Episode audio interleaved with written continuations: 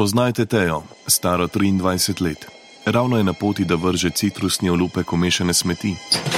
Potem pa jo njena vest opozori. A ne veš, kako s tem škoduješ naravi? Vrzi ga raje v biološke odpadke. Jeboš svojo vest in poslušaj raje oddaje Ekovest na Radio Student. Oddaje Ekovest, da boš vedel, da skrb za naravo ni zgolj ločevanje odpadkov. Projekt podpira Ekosklad.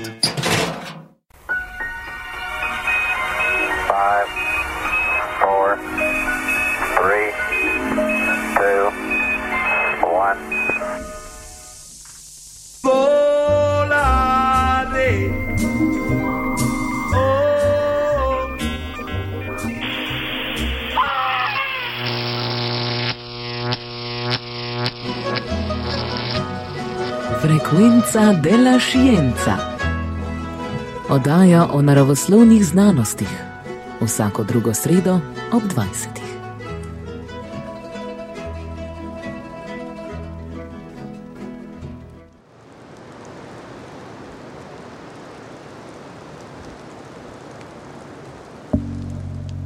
Futuristično kmetijstvo. Nastanek prvih civilizacij na območju rodovitnega polmeseca je močno prepleten z razvojem poljedelstva. Kultivacija užitnih rastlin je človeški vrsti omogočila, da se je iz nomadskih skupnosti lovcev in nabiralcev, ki so bili podvrženi muhastim silam narave, prelevila v vrsto, ki okolje spreminja v skladu s svojimi potrebami in željami.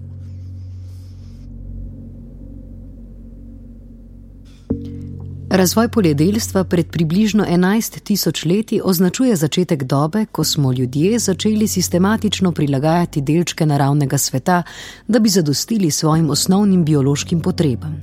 Da bi potešili lakoto, smo skozi tisočletni razvoj v polju kultivacije narave s pomočjo tehnoloških inovacij in razvoja znanosti uspeli močno spremeniti podobo zemeljskega površja. A čeprav se preprosta kamnita orodja naših daljnih prednikov močno razlikujejo od sodobne kmetijske mehanizacije, ter smo s sofisticiranimi metodami genetskega inženirstva začeli spreminjati rastline na ravni celic, poljedelstvo še vedno sledi enakemu vzorcu. Izkopli luknjo, posadi seme, pognoji in zaliga, odstrani plevel, poberi pridelek.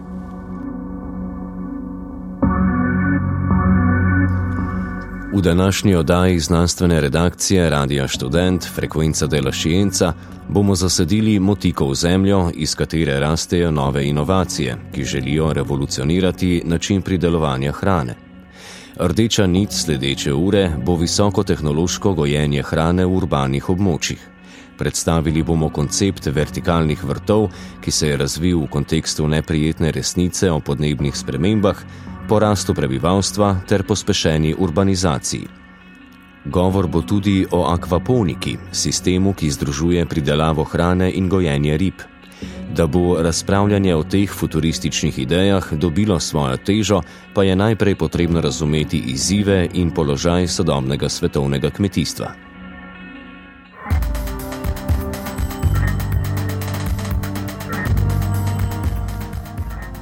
Tehnološki in znanstveni razvoj kmetijstva v 20. stoletju je zeleno revolucijo na čelu povzročil, da hrana ni več dejavnik, ki omejuje rast človeške populacije.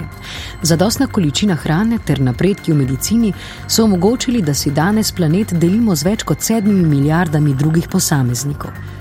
Če združimo vse svetovne kmetijske površine, ki naj bi nahranile svetovno populacijo, te presegajo velikost Južne Amerike. Po podatkih Organizacije Združenih narodov za prehrano in kmetijstvo naj bi bilo to dovolj, da nahranimo celotno svetovno prebivalstvo. A je na svetu kljub vsemu še vedno več kot 800 milijonov ljudi podhranjenih. Ta podatek bolj kot na pomankljivosti kmetijstva kaže na družbene neenakosti in s tem odpira vprašanja, ki so izven obsega današnje oddaje. Če tudi danes teoretično pridelamo dovolj hrane za vse, temu ne bo tako v prihodnosti.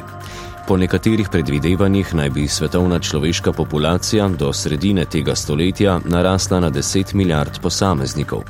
Če se ponovno poslužimo primerjave z Južno Ameriko, bi za hranjanje še 3 milijard zemljanov potrebovali dodatno ozemlje v velikosti Brazilije.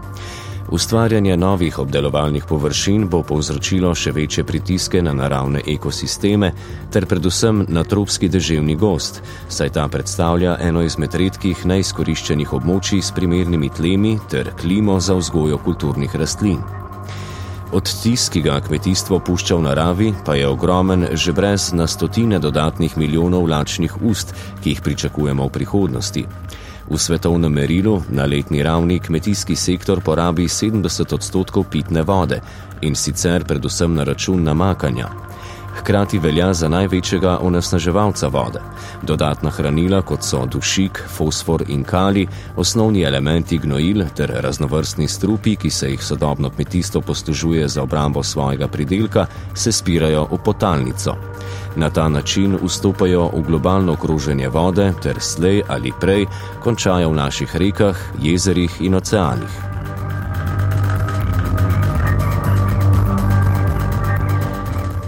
Med glavnimi naravnimi veri, ki omogočajo pridelavo hrane, lahko neposredno za sončno energijo ter vodo izpostavimo fosilna goriva. Ta so izrazito vezana na iznajdbo motorja z notranjim izgorevanjem, ki je omogočil razvoj kmetijske mehanizacije ter močno olajšal kmečka opravila.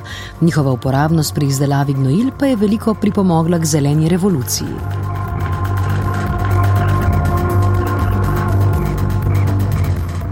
Vendar živimo v času, ko se zaloge tisočletja starih ostankov živih organizmov, ujetih v zemeljski skorji, manjšajo, njihovo zažiganje pa negativno vpliva na podnebje planeta Zemlje. Tako je odvisnost kmetijstva od fosilnih goriv postala težava. Organizacija Združenih narodov za prehrano in kmetijstvo v svojih poročilih navaja, da pridelava, predelava in transport hrane skupaj v ozračje spustijo 20 odstotkov vseh toplogrednih plinov ter porabijo 30 odstotkov vse proizvedene energije.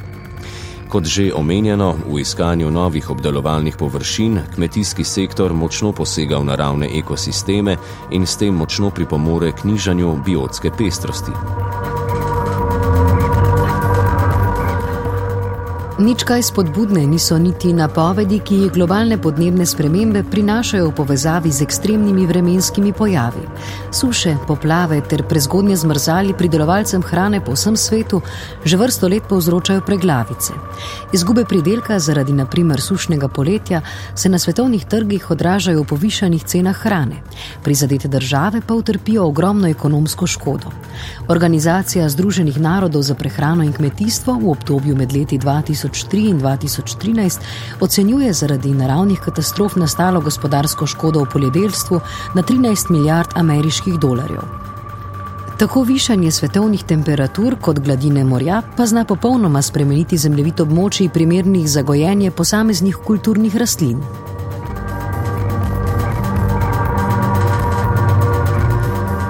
Vsemu navedenemu lahko dodamo še družbene trende urbanizacije, globalizacije ter potrošništva. Trenutno v urbanih območjih živi polovica svetovnega prebivalstva, po napovedih Združenih narodov pa naj bi ta odstotek iz leta v leto naraščal. Tako naj bi do sredine tega stoletja v mestih živelo že krepko čez 60 odstotkov ljudi. Levi delež za tak porast meščanov gre seveda pripisati naraščanju človeške populacije vendar k trendu, predvsem v manj razvitih državah sveta, precej pripomore tudi opuščanje kmetovanja zaradi okoljskih ali ekonomskih razlogov. V omenjenih delih sveta vse več ljudi opušča tradicionalne načine življenja in se s trebuhom za kruhom ter upanju na lagodnejše življenje odpravlja v mesta. Globalna trgovina s hrano je omogočila, da si posameznik ne glede na letni čas lahko privošči eksotično sadje in zelenjavo. Po drugi strani pa lokalnim pridelovalcem ter malim kmetom to vrstna globalizacija predstavlja konkurenco, s katero ne morejo tekmovati. Na policah naših supermarketov se tako kot cenovno najbolj ugodni znajdejo čilski beluši ter južnoafriško grozdje. Pridelki, katerih transport zahteva ogromno energije v obliki fosilnih goriv, ki poganjajo transportna sredstva. Za piko na i pa v bolj razvitih državah vlada potrošniška miselnost. Ljudje, ki imajo privilegij živeti v njih, brez obzira zavržemo tretjino vse pridelane hrane.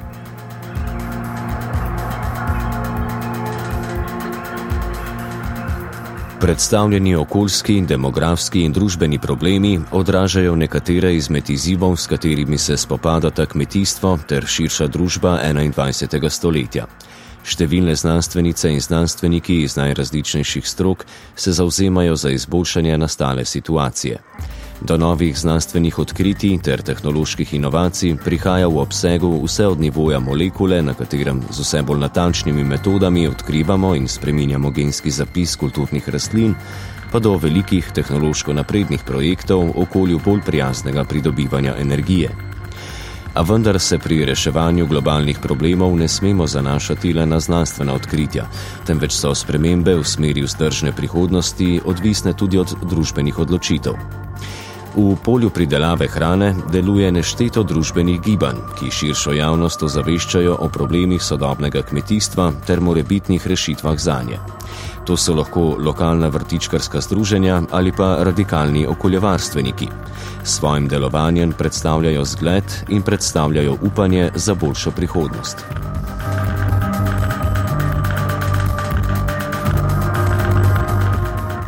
V pogled v morebitno prihodnost kmetijstva bo sledil glasbi. V drugem delu oddaje se bomo posvetili inovativnemu in visokotehnološkemu načinu pridelovanja hrane v urbanih območjih. Načinu, ki prostrana polja zamenja stolpnicami, zaradi česar se ga je prijelo ime vertikalno kmetijstvo.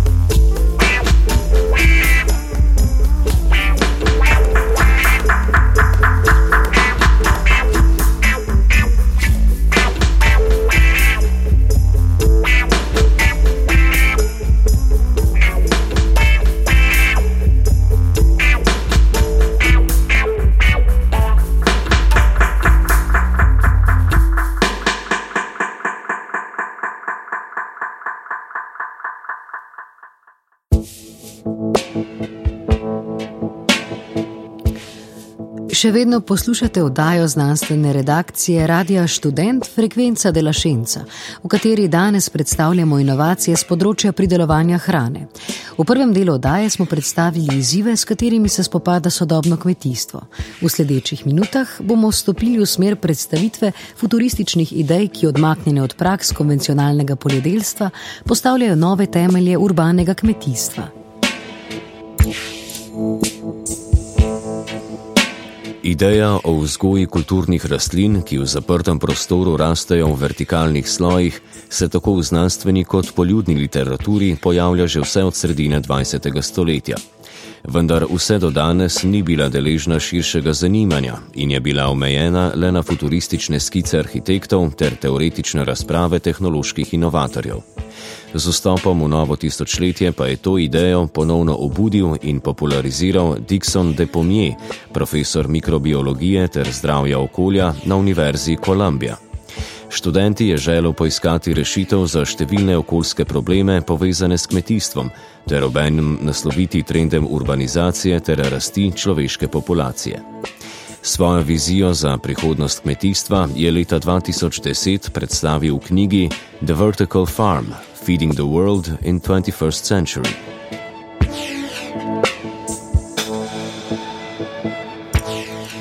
V zadnjem desetletju je ta ideja začela prejemati več pozornosti tudi v znanstvenih in podjetniških krogih.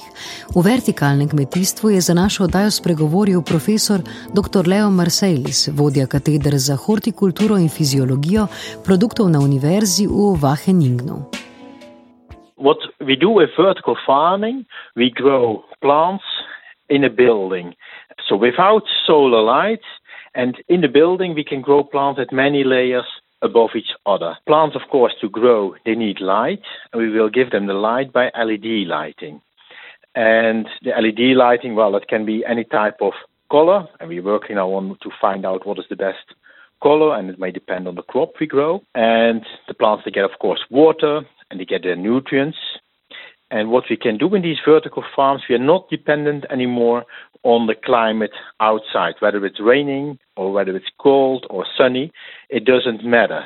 So, what we have is a very high controlled level of production. We also can get very high production levels on one layer, but we grow plants on many layers above each other. So, it also means we don't need large land area. And that's in particular interesting if you think on very urban environments. There are a number of cities in the world which are very large and where there's not so much space. So then this is an opportunity to grow a lot of fruit on a small area.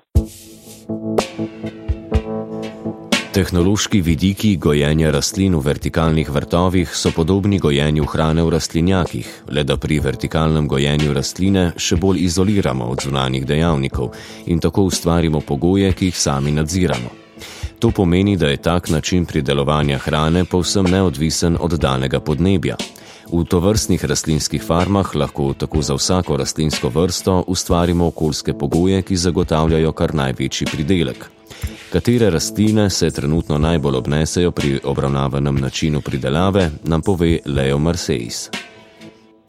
Well, and then the type of crops that we do grow are mainly fresh vegetables. So uh, I would say technically we can grow any plant, but uh, usually we do grow yeah the fresh vegetables like the leafy vegetables such as lettuce or herbs, for instance basil.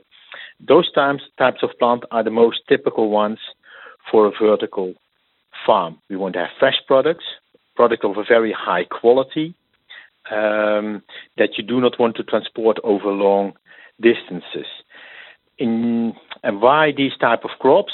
Uh, well, there are a number of reasons. So that's because the, they are eaten fresh. Um, most of the crops I mentioned, they are they, they will not be very tall crops, and yet that makes that we can grow many layers above each other in a building. And still, the production is relatively expensive, so it makes that we will not grow the very cheap products. So, for instance, corn is a relatively cheap product, and well, that's therefore a less likely crop to be grown in a vertical farm. Omenjeni visoki stroški pridelave pri vertikalnih farmah nastajajo predvsem na račun tehnologije ter porabe električne energije, ki jo pri tovrstnem gojenju uporabljamo. Ker rastline popolnoma iztrgamo iz zunanjega okolja, njihovo potrebo po sončni svetlobi, hranilih ter vodi nadomestimo z led sijalkami in hidroponičnimi sistemi. Slednje že vrsto let na široko uporabljamo pri pridelavi hrane v rastlinjakih. Gojenje rastlin v vodnem mediju brez dodatne opore zemlje pa v primerjavi z različnimi namakalnimi tehnologijami močno zmanjša porabo vode, kot to pojasni Marseilles. We can be very efficient with water and with nutrients. Um, yeah, and water is, is a very, if you look worldwide, scarcity of good water quality is, a, is an important issue. Well, and in this way, you can save very much of the water. Just to give you a comparison, if it would be tomato, if you would grow tomato crop in the Mediterranean area outdoor, probably you need about 60 liters of water per kilogram of tomato. If in the Mediterranean you would grow a tomato in a relatively high tech greenhouse, um, you don't need 60 liters anymore, but maybe 25 to 30 liters of water per kilogram of tomato. If you would grow them in the Netherlands in a greenhouse, we only need about 17 liters of water per kilogram of tomato. And then the next step is if you would do it in a vertical farm, uh, we can even bring that much further down because what we then will also do um, is the plants then take up a lot of their water. What they take up, they will transpire. In these buildings, you can also regain the water vapor, and then you only need just a few liters of water per kilogram of product. Problem energetske učinkovitosti vertikalnih farm pa predstavlja njihova razsvetljava. Vzgoja rastlin, ki rastejo druga nad drugo, pomeni, da je lahko z naravno sončno svetlobo obsijan le njihov najvišji del. Razvijalci takih sistemov eksperimentirajo z najrazličnejšimi materijali, ki bi lahko sončno svetlobo prepustili oziroma jo prek uporabe ogledal dovedli v notranjost tovrstnih farm. Kot druga možnost se ponuja uporaba povsem umetne razsvetljave, pri čemer se kot najbolj obetavna zaenkrat kaže LED tehnologija. LED svetilke so med vsemi možnostmi umetne razsvetljave namreč energetsko najmanj potratne, hkrati pa lahko z njimi ustvarimo razsvetljavo v tistem delu barvnega spektra, ki rastlinom najbolj odgovarja. Govorimo o rdeči in modri svetlobi. Marseilles. If we compare the LEDs with the solar light, well, the solar light has a broad spectrum and you cannot choose. It's just the spectrum as it is.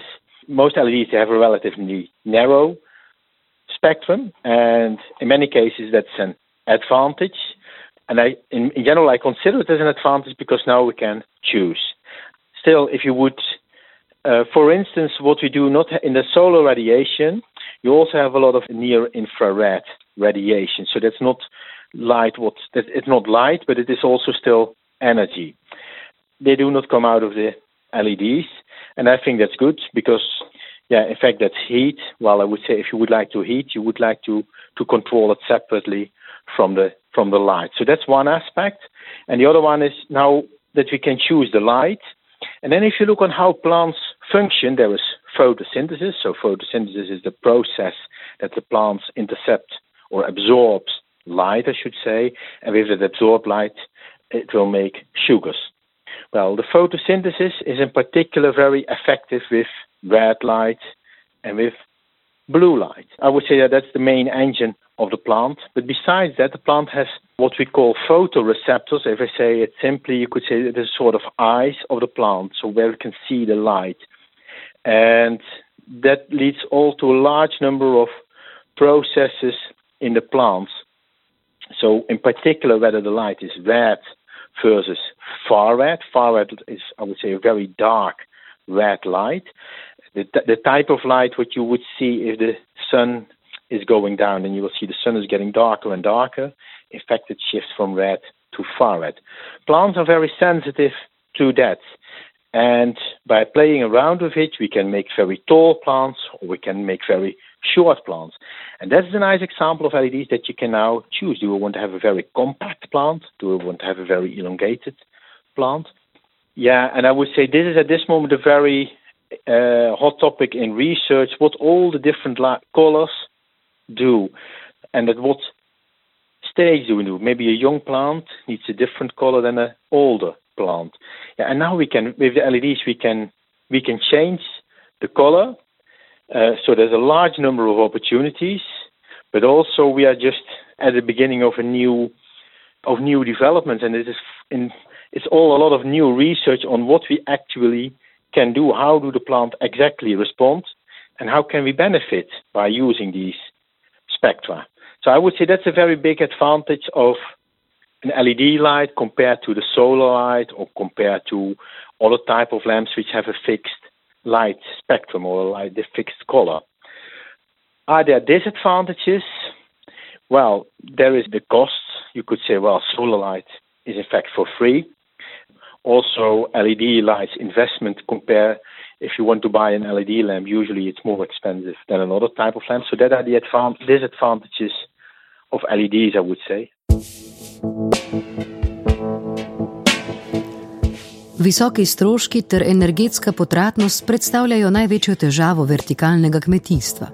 Kritiki to vrstnega načina pridelave hrane predvidevajo, da bi proizvodnja električne energije ter njen okoljski odtis pretehtala prednosti manjše porabe vode, umetnih gnojil ter pesticidov.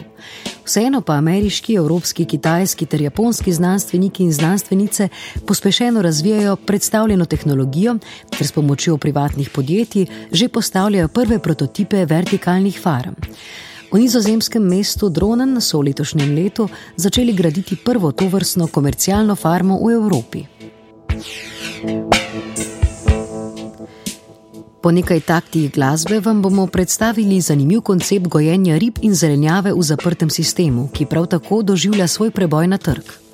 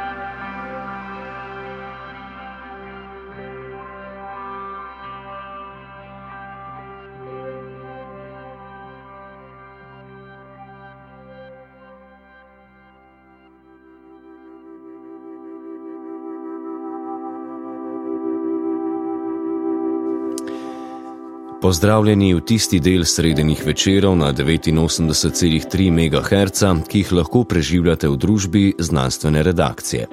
V tokratni oddaji Frekvenca dela Šijenca vam predstavljamo inovativne načine pridelovanja hrane. V zadnjem delu oddaje se bomo posvetili akvaponiki, načinu gojenja rib in zelenjave v enem zaprtem sistemu.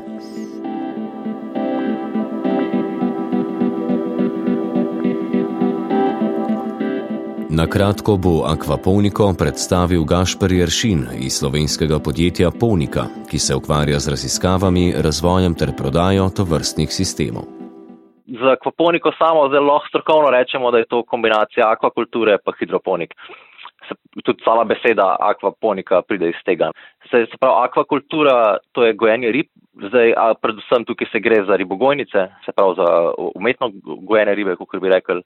In druga plat te akvaponike pa hidroponika, to pa je gojenje rastlin uh, na inertnem substratu na vodi. Se pravi, to, ta inertni substrat to pomeni, da to ni zemlja. Se pravi, to so te materijali, na katerih se te rastline gojijo, so ponovadi zdaj kakšna kokosova vlakna, steklena valna, kaj tasga. Imamo kombinacijo teh dveh tehnologij. Zdaj, ta kombinacija je zanimiva, zato ker pri samem ribogojstvu, kot ga klasično poznamo, se ustvarja velik odpadnih produktov, ki so raztopljeni v vodi, ki so produkt metabolizma teh rib. In zdaj, ponavadi, v teh starejših tipih ribogojnic je to šlo direktno naprej v vodotoke, v reke, ki je tudi pol velik ver izobraževanja, to predstavlja. Zdaj tukaj pri akvaponiki hočemo pa nekako združiti to s to tehnologijo gojenja zelenjave na vodi, da, bi, da v bistvu uporabimo ta hranila, ki ostajajo pri gojenju, iz, gojenju rib da v bistvu gojimo zelenjavo po teh klasičnih hidroponskih metodah. To je pa tudi plus za hidroponiko, za samo pridelavo zelenjave, zato ker ta hidroponika, ki pa jo poznamo, ki se pa zdaj večino zelenjave tako pridela, pa uporablja tudi lahko umetna oziroma lahko tudi organska gnojila, ki so pa ponavadi tudi zelo obremenjujoče za okolje. Že sama proizvodnja teh gnojil je obremenjujoča, druga stvar je pa tudi spuščanje teh hranilnih mešanic, ki nimajo več zadostne ravni hranil v okolje. Tako da to so veliki problemi zdaj, ki so na in s to akvaponiko nekako rešujemo oba ta dva problema, um, s tem, da nekak, neko sinergijo naredimo med temi tehnologijami mm, gojenja. Zdaj, to ni nova ideja, ta ideja se je pojavila že neki pravijo, da je že nekih teh starih, asteških, zdaj v prak, praksi tradicionalno se to uporablja na kitajskem še vedno kjer, kjer se lahko, lahko vidimo riževa polja, v katerih načrtno gojijo krape noter na isti način, pa je to bolj ekstenzivno.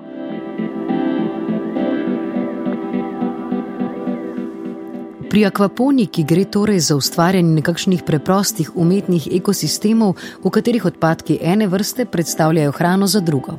Kot v primeru naravnih ekosistemov, tudi pri akvaponiki pomembno vlogo igrajo bakterije.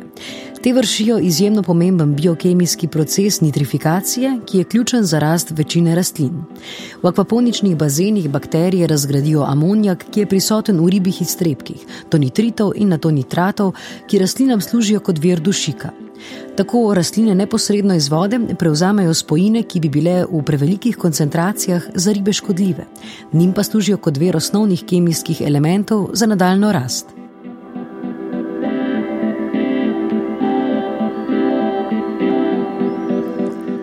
Predstavljen sistem je zanimiv predvsem iz vidika porabe vode, saj večino lete v sistemu kroži.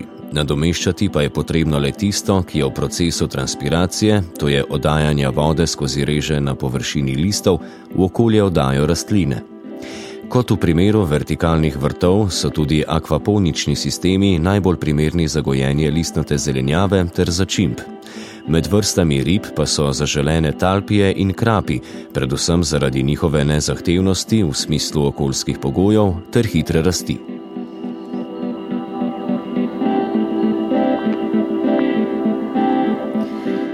Čeprav so akvaponični sistemi, kot jih poznamo danes, v svetu prisotni že od začetka 80-ih let prejšnjega stoletja, na trg kot komercialno uspešen način pridelovanja hrane še niso prodrli.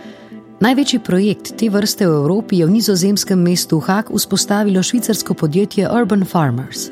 Skupno površino 1600 km2 v dveh nadstropjih zapuščene stolpnice tehnološkega mogoca Philips, ta projekt predstavlja največjo urbano kmetijo v Evropi.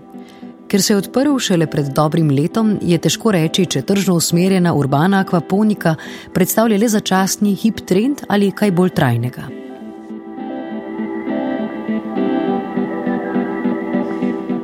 Naj omenimo, da teoretično akvaponiko lahko povežemo z vertikalnimi vrtovi in tako oba načina pridelave hrane združimo v enega. Prav tako jih je možno izvesti v različnih velikostih, od omare do stolpnice ter od sobnega akvarija do olimpijskega bazena. Ta lastnost jim omogoča, da so uporabni tako na ravni posameznih gospodinstv, kot tudi večjih in kompleksnih projektih.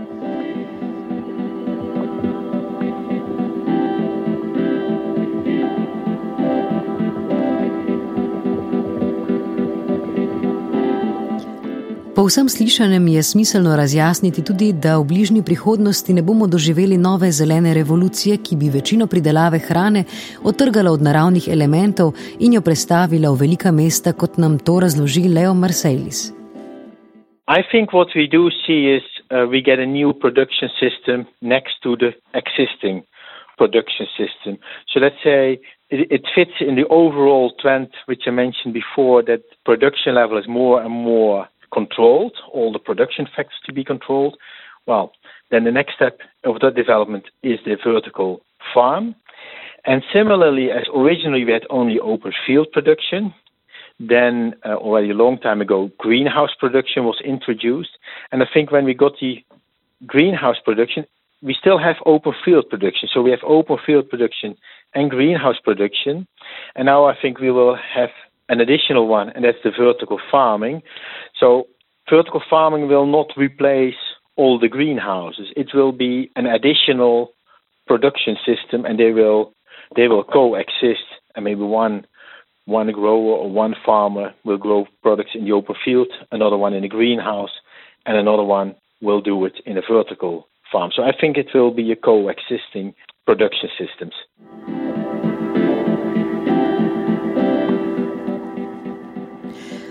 Kot omenjeno, bodo vertikalni vrtovi in akvaponični sistemi najverjetneje postavljeni ob bok že uveljavljenim načinom pridelovanja hrane. Vendar so trenutno še v fazi inoviranja in za preboj na trg potrebujejo še veliko raziskav ter zakonskih ureditev, predvsem pa jih mora sprejeti širša javnost. V oddaji predstavljene tehnologije pa vseeno lahko jemljemo kot prve dežne kaplje po dolgotrajni suši, saj na tak ali drugačen način poskušajo naslavljati probleme, ki pestijo sodobno kmetijstvo. A še lep čas nam bo, kot kaže, v glavah odzvanjala tisočletja stara mantra kmetijstva. Izkopi luknjo, posadi seme, pognoj in zali, odstrani plevel, poberi pridelek.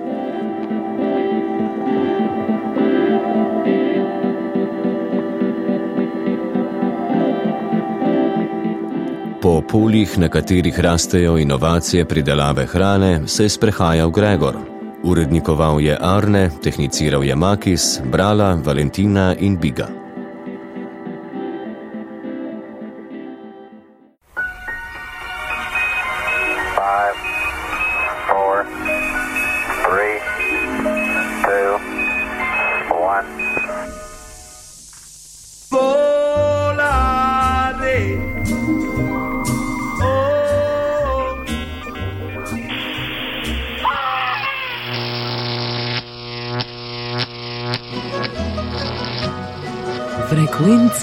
Della Scienza.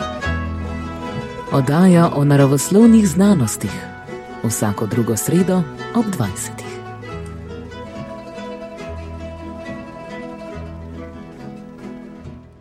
Spoznajte Tejo, staro 23 let. Ravno je na poti, da vrže citrusni olupek v mešane smeti. Potem pa jo njena vest opozori. A ne veš, kako s tem škoduješ naravi? Vrzi ga raje v biološke odpadke. Jeboš svojo vest in poslušaj raje oddaje Ekovest na Radio Student. Oddaje Ekovest, da boš vedel, da skrb za naravo ni zgolj ločevanje odpadkov. Projekt podpira Ekosklad.